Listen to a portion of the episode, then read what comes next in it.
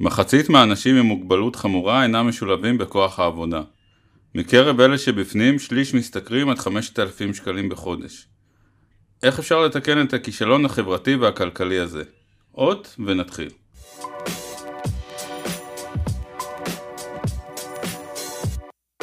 זמן לחשוב, הפודקאסט של גופמן קריאיטיב, על השראה ומציאות. שלום לאורן הלמן, מייסד אה, מיזם סיכוי שווה לשילוב אנשים עם מוגבלות בעבודה ובחברה. אהלן, מה שלומך? ברוך השם, טוב מאוד. אחלה. אני מציע שנפתח באוכלוסייה עצמה. על איזה שיעור אנחנו מדברים? עזוב שיעור, בוא נדבר קודם כל על האוכלוסייה, כי אתה יודע, אני יכול להגיד לך עכשיו 70 אחוז, זה כמו שאחותי פעם הייתה מרוויחה 200 שקל לשעה, וזה הרבה כסף, היא עבדה רק שעה בחודש. אוקיי, אז בסופו של דבר במדינת ישראל, לפי הלשכה המרכזית לסטטיסטיקה, יש אה, בערך 800 אה, אלף אנשים עם מוגבלות תפקודית חמורה, מעל גיל 20. מוגבלות תפקודית חמורה זה לא משקפיים, קרחת או חדשקונים, למרות שיש אנשים, דרך אגב, שאני... שזה גורם להם... כן, שזה מפריע להם יותר מכיסא גלגלים, כן. כן. אה, ועוד 250 פחות או יותר אלף ילדים בחינוך המיוחד. זאת אומרת, בסך הכל מעל מיליון אנשים עם מוגבלות תפקודית חמורה בישראל, חיים בישראל. זה אנשים שלא יכולים לעלות במדרגות, לעבוד, לרדת, לשמוע, אה, אה, לקום, לרוץ או, או, או לעבוד. אוקיי, או לשמוע, או לראות, או מה שלא יעלה על דעתך. זה לפי קריטריונים של ה-OECD. עכשיו, מתוך אלה שהם מעל גיל העבודה, זאת אומרת מעל גיל 20, 800 אלף, בערך 50 אחוז לא עובדים. אמ, יותר אפילו 53 אחוזים לא עובדים, וזה נתוני טרום קורונה. בתקופת הקורונה, חשוב להבין, אה, לפי מחקרים שנעשו, אנשים עם מוגבלות פוטרו או חולטו, יעני, הוצאו לחל"ת, פי ארבע מאשר כל עובד הרגיל אחר, אוקיי? שאין לו מוגבלות. זאת אומרת שהמספרים הוחמרו עכשיו בתקופה שלנו, כי תקופה כזאת שבה יש מצוקה כלכלית ושמעסיקים צריכים אה, לדלל אה, עובדים, או לחילופין להנגיש להם את העבודה מהבית, תמיד אנשים עם מוגבלות ייפגעו. הם גם בקבוצות סיכון בדרך כלל, וקשה להם יותר לנסוע בתחבורה ציבורית. בקיצור, המצב הוא היום, אם הוא היה עגום, עכשיו הוא הרבה יותר מעגום, הוא לא טוב. כשאנחנו מדברים על אנשים עם אה, מוגבלות, הרי זו קבוצה מאוד גדולה ועם הרבה סוגים של מוגבלויות. נכון. יש סוגים שנוטים אה, להשתלב פחות, ויש סוגים שנוטים להשתלב יותר, איך, איך, בעצם, אני... ה, איך, בעצם, אה, איך בעצם הקבוצה הזאת מפולחת? אני מאוד לא אוהב אה, לעשות דיפרנציאציה בין אנשים עם מוגבלות בהיבט של עבודה. כי, ואני אסביר גם למה, ותכף אני אענה לך גם על השאלה, אבל אני, כשחיפשתי זוגיות, לפני הרבה מאוד שנים, אני לא רואה את השערות הלבנות, מזל שזה פודקאסט, אז אימא שלי, שהיא לא הייתה פולניה, תמיד אמרה לי שלכל אסיר יש מכסה. אתה מכיר את המשפט הזה, כולם מכירים אותו. אחרי זה הלכתי ללמוד סוציולוגיה ולימדו אותי איך אומרים את זה בסוציולוגית, ריבוד ואי שוויון. זאת אומרת, אין היום אה, אה, אדם שלא יכול למצוא מישהי בת זוג, ואין אישה שלא יכולה למצוא בן זוג. לא משנה איך הם נראים, איך הם חושבים, מה, מה צבע העיניים שלהם ומה גודל האוזניים שלהם.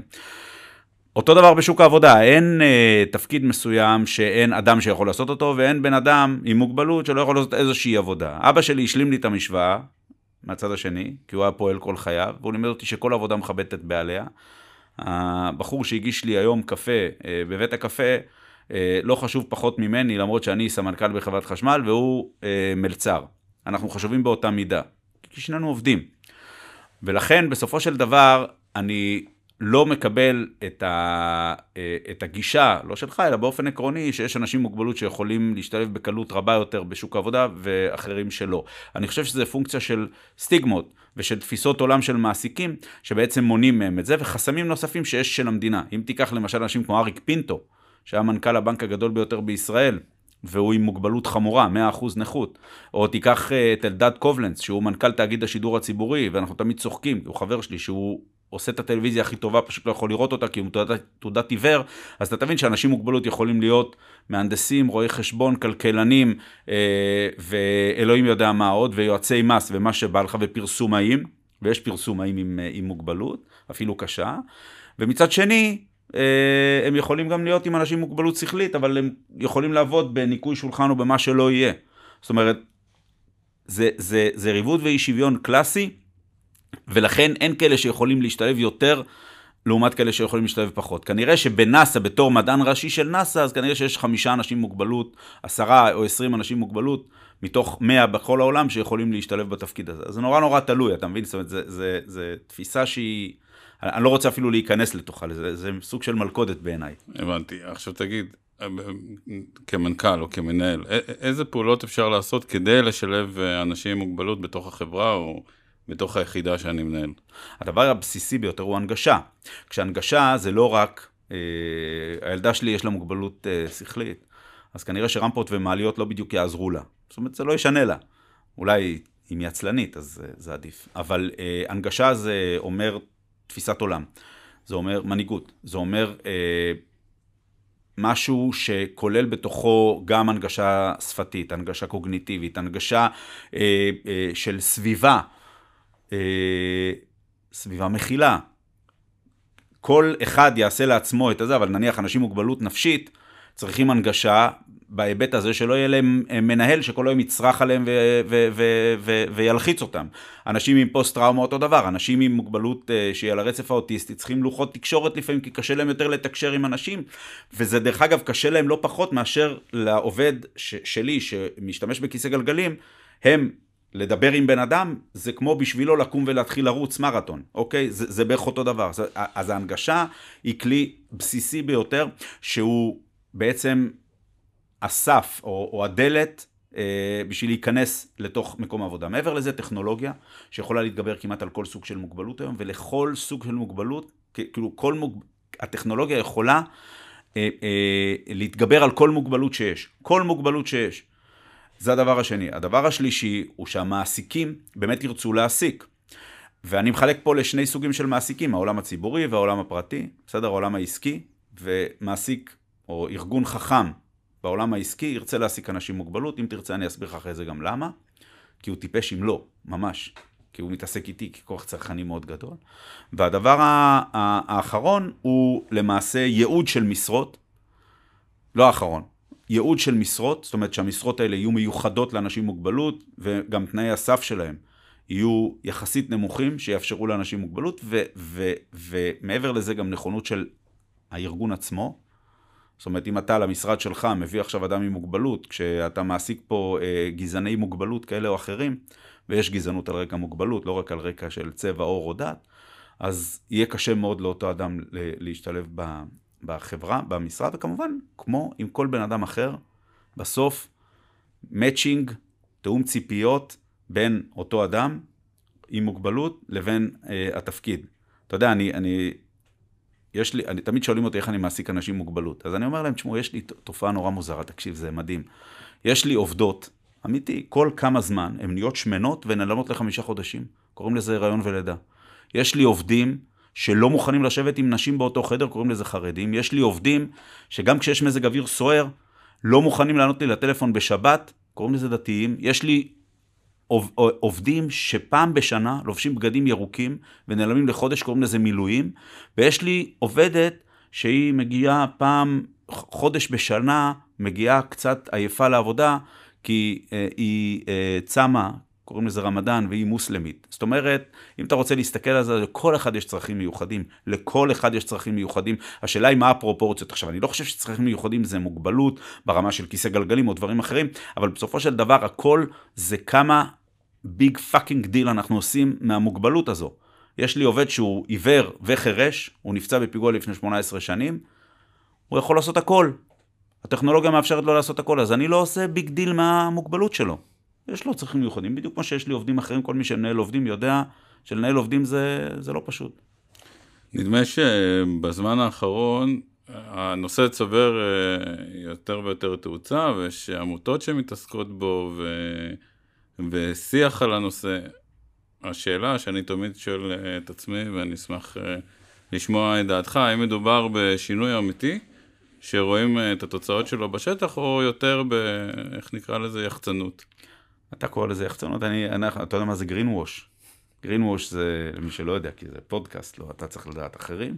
זה אומר שאני נורא סביבתי, ואני נורא בעד איכות הסביבה, ואני ירוק, אז אני צובע את הערובות שלי בירוק, ונהייתי, זה זה גרין ווש, כאילו צבעתי, אז יש פרפל ווש. הרי אומרים עכשיו, יום המודעות, הסגול, לאנשים עם מוגבלות, תצבעת, תאיר את הבניין שלך בסגול, ונהיית בעד אנשים עם מוגבלות, בפועל אתה לא מנגיש, אתה לא מעסיק ואתה מפלה.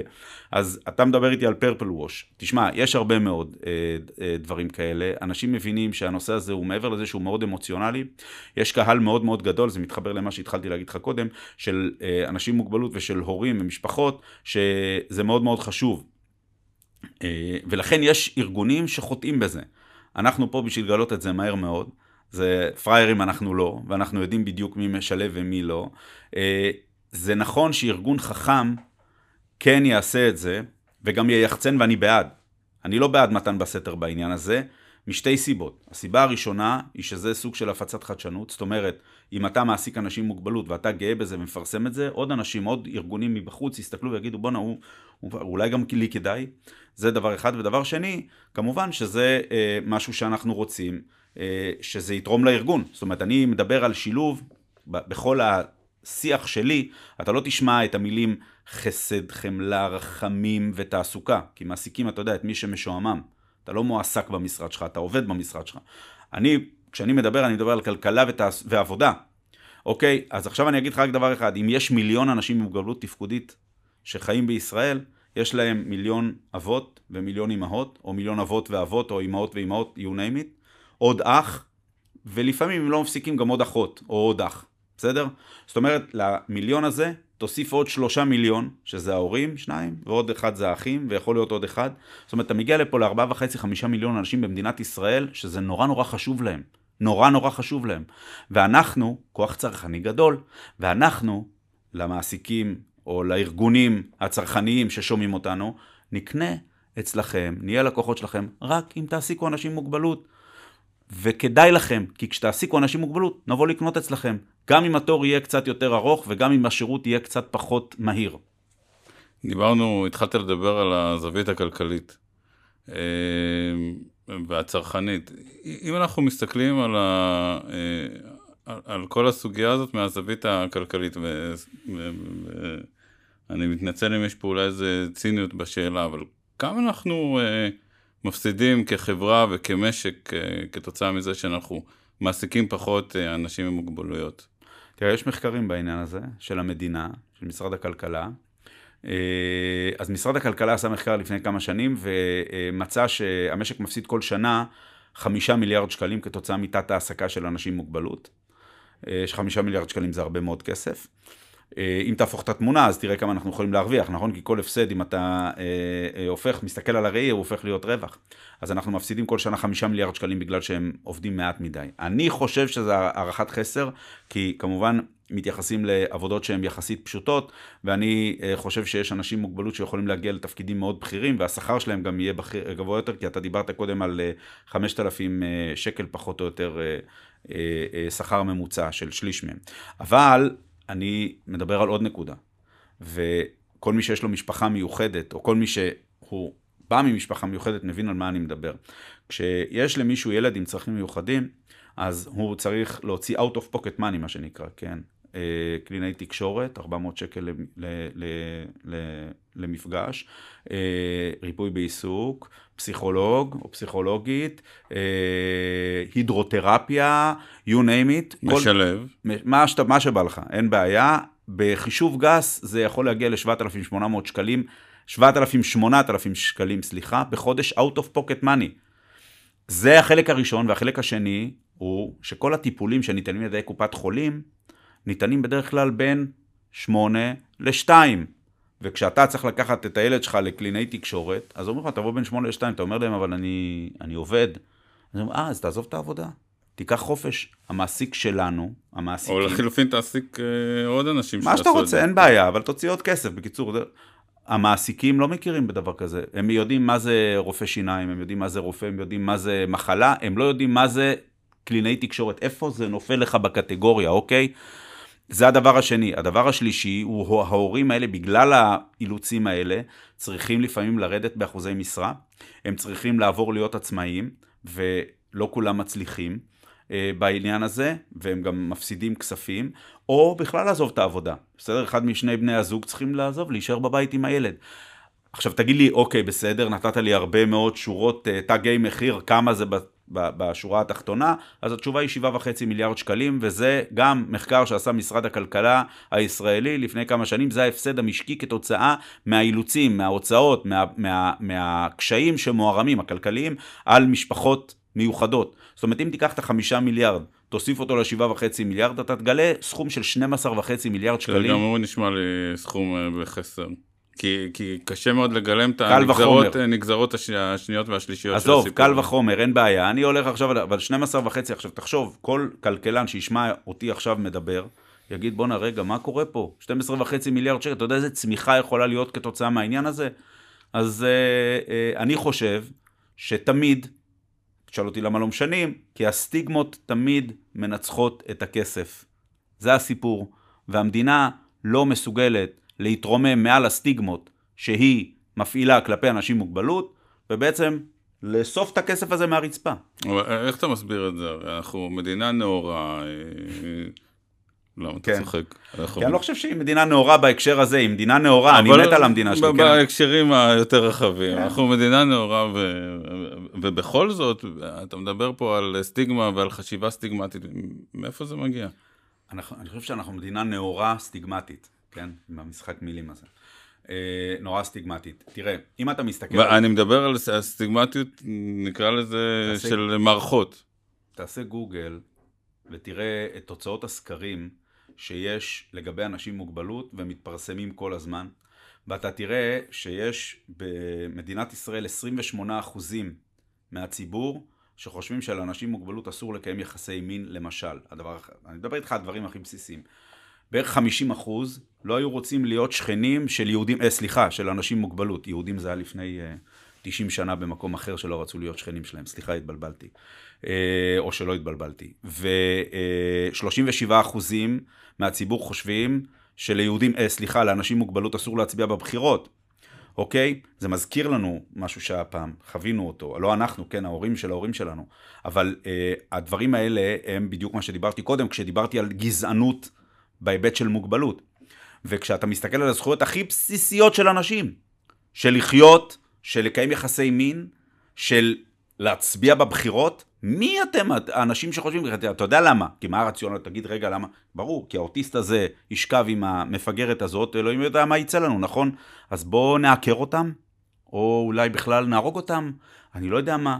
זאת אומרת, אני מנסה, לנסות, אני מנסה להבין מה הבעיה, או מה הבעיה, מה הבעיה שאנשים שחושבים ככה, כי הם חושבים והם אומרים את זה, מה מניע אותם לחשוב ככה? דרך אגב, יש תוצאות הרבה יותר גרועות מזה, למשל 89% מההורים שאומרים שהם מעדיפים שהילדים שלהם יהיו בחוגים בלי ילדים עם צרכים מיוחדים, כן, אוקיי? אתה נתקל בזה עוד אה, בגן, ב- ב- בעיה. בשלבים מאוד אה, מאוד אה, בסיסיים. עכשיו, זה נורא לא נעים לדבר על זה, כי מה, זאת החברה שלנו? וזה תמיד, כשאני מדבר על הדברים האלה, זה מעצבן אנשים, אז קודם כל שיתעצבנו. כן, אבל אז עדיין זו חידה, כי, כי באמת אנחנו חיים במדינה שהיא באוכלוסייה סובלנית, וב... אז אנחנו לא, אה, הלו. אה, אבל זה- איך אתה, כשאתה מנתח את זה, זאת אומרת, זה עניין של הסברה, זה עניין של... אה, עזוב אותי מהסברות. תשמע, אני, אני רוצה להגיד לך משהו לגבי הסברה. המדינה הזאת כבר בת 74 תכף, נכון? 74 שנים הסבירו לנו, שכנעו אותנו, עשו לנו קמפיינים, אמרו לנו שזה חשוב. אתה רוצה עוד כמה מילים יפות כאלה נרדפות, אין לי עכשיו בראש, תפתח אחרי איזה מילון, תביא לי. אה, וזה לא עובד. זה לא עובד, כי אתה רואה את הנתונים, לא עובד. ולכן, ואני אגיד לך יותר מזה, 70 אחוז, כשאתה עושה סקר, 70 אחוז מהאנשים שחיים במדינת ישראל מכירים אנשים עם מוגבלות. זה גם הגיוני. כי השכנים שלי מכירים ילדה עם מוגבלות, אה, השכנים של אחרים מכירים, כי, הם נמצאים שם, ועדיין הם חושבים את זה, עדיין הם חושבים את זה. מה זה אומר? אני אגיד לך, זה מה שהניע אותי להתחיל את הפעילות שלי. ששכנוע, אם אתה רוצה לשכנע, לך, תעשה הסברה, תעשה מה שאתה רוצה. אני הבנתי שצריך לעשות חקיקה ואכיפה, כמו כל דבר במדינת ישראל. מי שילעג לילד עם צרכים מיוחדים, ייענש. ייענש. מי שישפיל אדם עם צרכים מיוחדים, ייענש. אתה יודע למה? כי מי שמשפיל יהודי בעולם, ומי שזורק לו את הכיפה, אנחנו רוצים להעניש אותו, נכון? לקרוע לו את הצורה. אותו דבר גם פה. זו התפיסה שלי. מי שלא יעסיק אנשים עם מוגבלות, בגלל המוגבלות שלהם, ייענש, ייכנס. לא ייענש, לא ייכנס לכלא, בסדר? אני לא פה, אבל יקבל קנס. אגב, מאיפה אני יודע את זה?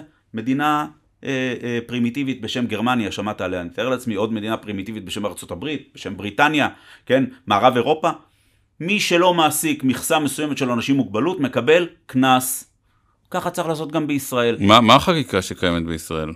בישראל? הרגולה, או הרגולציה הרלוונטית. אז תראה, קודם כל, אה, לפני שבע שנים, אה, כשהתחלתי להתעסק בעניין הזה, והתראיינתי בפעם הראשונה בעצם, וסיפרתי את הסיפור האישי שלי, אחרי זה אה, ניסחנו חוק. אני ועורך דין ולאדי גור ארי, שהוא אה, אה, עובד איתי בחברת החשמל, והוא אה, אדם עם מוגבלות, עם אה, שיתוק מוחין, אה, משתמש בכיסא גלגלים, וניסחנו חוק שמחייב, אה, בהתחלה זה התחיל עם שלושה אחוזים.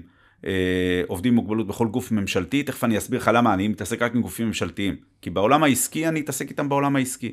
אני פשוט לא אקנה אצלם, אז, אז הם יבינו שכדאי להם, בסדר? אה, שלושה אחוזים, החוק הזה הוגש על ידי איציק שמולי, אה, הוא, זה היה לפני 2015, הכנסת התפזרה והחוק הושלך לפח האשפה של ההיסטוריה. בכנסת ש, שהתכנסה אחרי 2015, היו מאז בערך 20 כנסות לדעתי, אני לא יודע כמה, אז אה, אה, הגשנו, אה, אה, כאילו, יואב קיש, נורית קורן ואיציק שמולי הגישו את החוק הזה, אבל עם חמישה אחוזים. והחוק הזה בראשון לראשון 2017 עבר, נכנס לספר החוקים של מדינת ישראל. אה, והיום כל גוף ממשלתי, לא רק משרדי ממשלה, אלא גם עיריות, רשויות מקומיות, חברות ממשלתיות, אוניברסיטאות, מוסד, שב"כ, משטרה, כולם צריכים להעסיק חמישה אחוז עובדים עם מוגבלות, אם יש להם מעל 100 עובדים, אוקיי? כחוק זה נחמד, זה נאכף? כל חוק במדינת ישראל, זו שאלה טובה וגם נכונה, כל חוק במדינת ישראל הוא המלצה, אלא אם כן אוכפים אותו. אתה יודע, השוטר, אני אתמול תפס אותי שוטר נוסע על 180 פה באיילון, עצר אותי, אמר לי, אורן, תקשיב, זה מסוכן לנסוע 180. אז בוא, אל תיסע יותר, כי אתה יכול להרג, אתה יכול לזה, ואז הוא אמר לי, אמרתי לו, אתה יודע מה, אתה צודק, סליחה, והוא אמר לי, טוב, יאללה, להתראות, כן? נראה לך שסיפור כזה קרה. היה לוקח לי את האוטו, מכניס אותי לכלא, ולא הייתי מקבל רישיון נהיגה יותר כל החיים שלי, גם בגלגול הבא, למי שמאמין בגלגול הבא. אז אני אומר שאם אתה לא אוכף חוק, אז הוא המלצה. ואת החוק הזה לצערי לא אוכפים. לא אוכפים. למה? צריכים לאכוף אותו, לאכוף אותו אגב במעט, בגרעין, זאת אומרת בשירות המדינה, משרדי ממשלה, נציבות שירות המדינה, במעטפת נציבות שוויון לאנשים עם מוגבלות במשרד המשפטים. למה לא אוכפים? צריך לשאול אותם. יש עכשיו נציב שוויון לאנשים עם מוגבלות חדש במשרד המשפטים, קוראים לו דן רשל, שמהרושם שלי מאוד מאוד בעניין הזה, ולדעתי הוא אה, אה, יבצע אכיפה סביב העניין הזה, ואני מאוד מאוד מקווה שזה באמת מה שיהיה, כי אחרת הוא לא ייושם, וזה, וזה נורא. אוקיי, okay, אז דיברנו על החוק הזה, יש, יש דברים שהם מיושמים, שהם במסגרת החוקית והרגולטורית, שהם גם קיימים וגם מיושמים? מה, נגישות לא, למשל? כן, נגישות אני גם כן, אה, אני נתקל בנגישות מאוד בסיסית, זה כבר איכשהו תפס, אבל אה, מעבר לזה אני באמת תראה, לא אני, רואה. אני, אני רוצה להגיד לך משהו. אני אה, מתעקש על השירות הציבורי משום שכל ההחלטות לגבי אנשים עם מוגבלות מתקבלות במשרדי הממשלה, בעיריות, ברשויות המקומיות ובחברות ממשלתיות. ספוילר, לא בשופרסל, לא בבנק לאומי ואפילו לא בפרטנר, בסדר? לא שם, אלא במשרדי ממשלה. ברגע שאנשים עם מוגבלות יהיו חלק מהמנגנון הזה, אז הם אה, אה, יהפכו גם לחלק מתהליך קבלת ההחלטות. הרי אנחנו כל הזמן מדברים על זה שאנחנו רוצים nothing about us without us, נכון? זה מין משפט כזה, אל תקבלו עלינו החלטות בלעדינו. גם הבנות שלי אומרות לי, אתה לא מחליט עלינו, אז הן טועות. בסדר, הן עוד בנות 12 ו-11. אבל בעולם, שלנו, אנחנו לא מוכנים שמישהו יחליט עלינו בלי שאנחנו נהיה מעורבים, או שישמעו אותנו, או שייתנו לנו את האפשרות להשפיע על תהליך קבלת ההחלטה. איך אתה משפיע? באמצעות diversity, גיוון. כשאתה עובד במקום מסוים, אז גם המקום, ההחלטות שמתקבלות שם, המדיניות, התפיסת העולם, משתנה בהתאם, זה נורא נורא טבעי. ואז בעצם אתה מקבל שתי ציפורים במכה אחת, גם מקום עבודה יציב, הוגן, עם אה, שכר טוב ובלי אפליה ולטווח ארוך לאנשים עם מוגבלות, וגם שותפות שלהם במעגלי קבלת החלטות. אתה יודע איפה פגשנו את זה בשנים האחרונות? בשני מקומות. בקורונה. כשמדינת ישראל בקורונה אמרה לבת שלי, תמותי. למה? כי המדינה אמרה, תשמעו, מסכה, אני מנפנף עכשיו במסכה וירטואלית, היא מצילת חיים, נכון? אתה, כל הזמן אומרים לנו, חייבים לשים מסכה כי זה מציל חיים, אפילו מחייבים אותנו, ואם אתה לא שם מסכה, גם נותנים לך אפילו קנס. אבל המדינה, לא, יש לה פה בערך אה, מיליון אנשים עם מוגבלות תפקודית חמורה, אמרנו קודם. המדינה, אין לה כוח להסביר להם את זה. כי חלק מהם לא מדברים את ה... באוצר המילים שלנו, חלק מהם לא, לא קוראים בלי ניקוד, חלק מהם משתמשים רק בלוחות תקשורת, חלק מהם לא שומעים, חלק מהם לא רואים. אז מה המדינה עשתה? אתה זוכר שהיינו בצבא והיה לנו זקן וזה היה מגרד לנו, אז היו אומרים יש לך פטור מגילוח, פטור כן. מצחצוח, פטור מחרטות, כן? אז המדינה אמרה אתם פטורים ממסכות. מה בעצם המשמעות של פטור ממסכה? תאכלו. נכון! עכשיו, המדינה, דרך אגב, אם אני הייתי המדינה, אז הייתי אומר, אתם לא פטורים ממסכה, אתם פטורים מהקנס. אף אחד לא פטור ממסכה. אתם פטורים מהקנס, כי אם אתם לא יכולים, אז, אז לא תקבלו קנס. אבל המדינה אמרה, עזבו, אין לך כוח להתעסק איתכם, אין לכם, אתם לא צריכים לשים שום דבר. ולמה? כי בסוף המדינה אמרה, אני לא רוצה להנגיש. לא רוצה להנגיש את המשמעות של המסכות לאנשים עם מוגבלות. למה? כי אין שם אף אחד בתוך כל צוותי החירום שמביא את נקודת הראות של אנשים עם מוגבלות. אף אחד. ואז אתה רואה שוטרים שהולכים עם מסכות ומדברים עם אנשים שהם חרשים, והם לא רואים את השפתיים, הם לא יכולים לקרוא שפתיים, אז הם, הם חושבים שהם באים, מה שוטר בא אליי, הוא בורח, ההוא רודף אחריו, הוא, הוא, אתה מבין, מתפתחות פה סיטואציות של אלימות. אתה רואה אנשים שהם עם מוגבלות שבעצם המדינה לא לוקחת עליהם אחריות, וזה בגלל שהם לא נמצאים בתוך תהליך קבלת ההחלטות. וזה מה שאמרתי לך קודם, עכשיו רק ראית את זה ב, ב, ב, בשנה, שנה וחצי האחרונות, שנתיים שאנחנו מתמודדים עם הקורונה. אתה מתאר פה איזשהו מצב שילד עם מוגבלות לא מקבל אה, אה, תמיכה, אה, או המשפחה שלו לא מקבלת אה, תמיכה כלכלית מספיקה. אחרי זה, אה, כשהוא רוצה להתקבל אה, לשוק העבודה, בסבירות גבוהה הוא לא מצליח. ובין לבין אה, נגישות אה, במרחב הציבורי שפחות או יותר לא קיימת, וגם אם אה, קיימים חוקים, הם בעצם חוקים שלא נאכפים. אז יש, יש בסיס לאופטימיות? קודם כל, שמע, אני רוצה ל- ל- ל- להבהיר את מה שאתה אמרת. אני נגד קצבאות. אני לא בעד שהמדינה תחלק כסף לאנשים האלה. אני בעד שהמדינה תיתן להם פרנסה. אתה יודע, הרמב"ם, כשהוא דיבר על המצווה הראשונה במעלה, אתה יודע מה היא? פרנסה. לא צדקה, לא חסד, פרנסה. תן לו דג, אה, חכות, אל תיתן לו דגים. לא, אני מדבר על המשפחה הגרעינית. כן, אבל שנייה, אבל אני, לכן אני אומר, אני לא מצפה שהמדינה תיתן כסף למשפחות בשביל אה, זה. אני מצפה שהמדינה תיתן להם את היכולת ובעצם תחסוך לעצמה את הכסף שהיא מפסידה. ה-12.5 מיליארד שקלים האלה, שאתה חושב שיותר, אז עוד יותר טוב. היא יכולה למנוע את זה. זה דבר אחד. אם יש מקום לאופטימיות, קודם כל ברור שיש מקום לאופטימיות, אבל אני חושב שמעבר לעניין הזה, אני הייתי בדובאי לא מזמן. בדובאי לאנשים עם מוגבלות לא קוראים אנשים עם מוגבלות, לא קוראים להם גם נכים. אגב, המילה הזאת היא מזעזעת בעיניי, בדיוק כמו שלא אומרים יהודון, הרבוש ו- ונקבה, גם לא אומרים נכים בתפיסה שלי, וגם לא חושבים נכים, כי נכה זה בן אדם שקודם כל אתה רואה נכה ואחר כך אתה רואה בן אדם. הם אנשים עם מוגבלות. אבל בדובאי קוראים להם אנשים עם נחישות. אז אני אגיד לך משהו, וזה נכון דרך אגב, כי כל אדם עם, עם מוגבלות, בשביל להגיע ל, ל, ל, ל, אה, ל, אה, לפעולות בסיסיות מאוד ביום-יום, חייב נחישות. בשביל, יש אנשים שלא יכולים לכפתר כפתורים, לא יודעים לצחצח שיניים ולא יודעים לקשור שרוכים בנעליים. בלי נחישות, הם לא יהיו מסוגלים להתמודד עם תלאות היום-יום או הרפתקאות היום-יום. אז לשאלתך, אני חושב שאם תהיה לנו נחישות אז תהיה גם אופטימיות. ואני אגיד לך עוד דבר אחד, יש שיר שתמיד אני, אני מאוד אוהב, אתם מכירים אותו בטוח, שהוא נקרא, אתה מחייך, כי זה ספוילר אני עושה לך, בסדר, אבל עשיתי לך כבר ספוילר. זה השיר שנקרא אילו ציפורים, אילו ציפורים אשר עפות מעל הים, אילו ציפורים היו דוברות כבני אדם, אלו סיפורים היו ודאי לציפורים. שיר שכולם מכירים, הוא מתורגם, אני חשבתי שהוא ישראלי מרוב שאני אוהב אותו. ואני אומר לך שאני מנתח את השיר הזה כשיר שלא נכתב על ציפורים, הוא נכתב על אנשים עם מוגבלות. הוא נכתב על אנשים שאין להם אוצר מילים, שלא יכולים לתקשר עם אנשים, שלא יכולים לדבר, שלא יודעים לדבר, שאין להם מספיק אה, אה, מילים, שהם אילמים, או שאף אחד לא רוצה להקשיב להם כי לא סופרים אותם, כי הם שקופים, כי הם לא מעניינים אף אחד. והתפקיד שלנו כחברה, שלנו, שלך, שלי, של כל מי שמקשיב לנו עכשיו, הוא לדאוג לזה שקולם יישמע, שהם יקבלו את הזכויות שלהם, מיצוי זכויות. שהם, אה, אה, שהם אה, יקבלו שוויון, שהם יקבלו כל מה שמגיע להם ושיתייחסו אליהם וישמעו את קולם. והתפקיד שלנו, כאנשים שאין להם מוגבלות, הרוב, החזקים, להשמיע את הקול שלהם.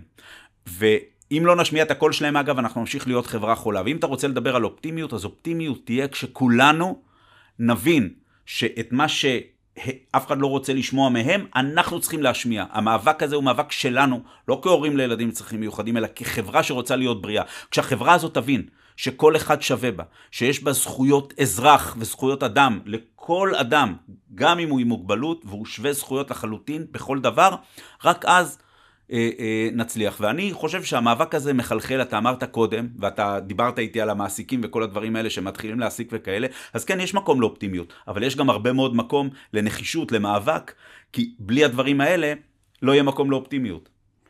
אורן, אני מאוד מודה לך על הזמן אה, שהקדשת לנו, ואני מאוד מאוד מקווה שתצליח. כולנו. ושכולנו נצליח במאבק. הזה. תודה רבה. תודה לך.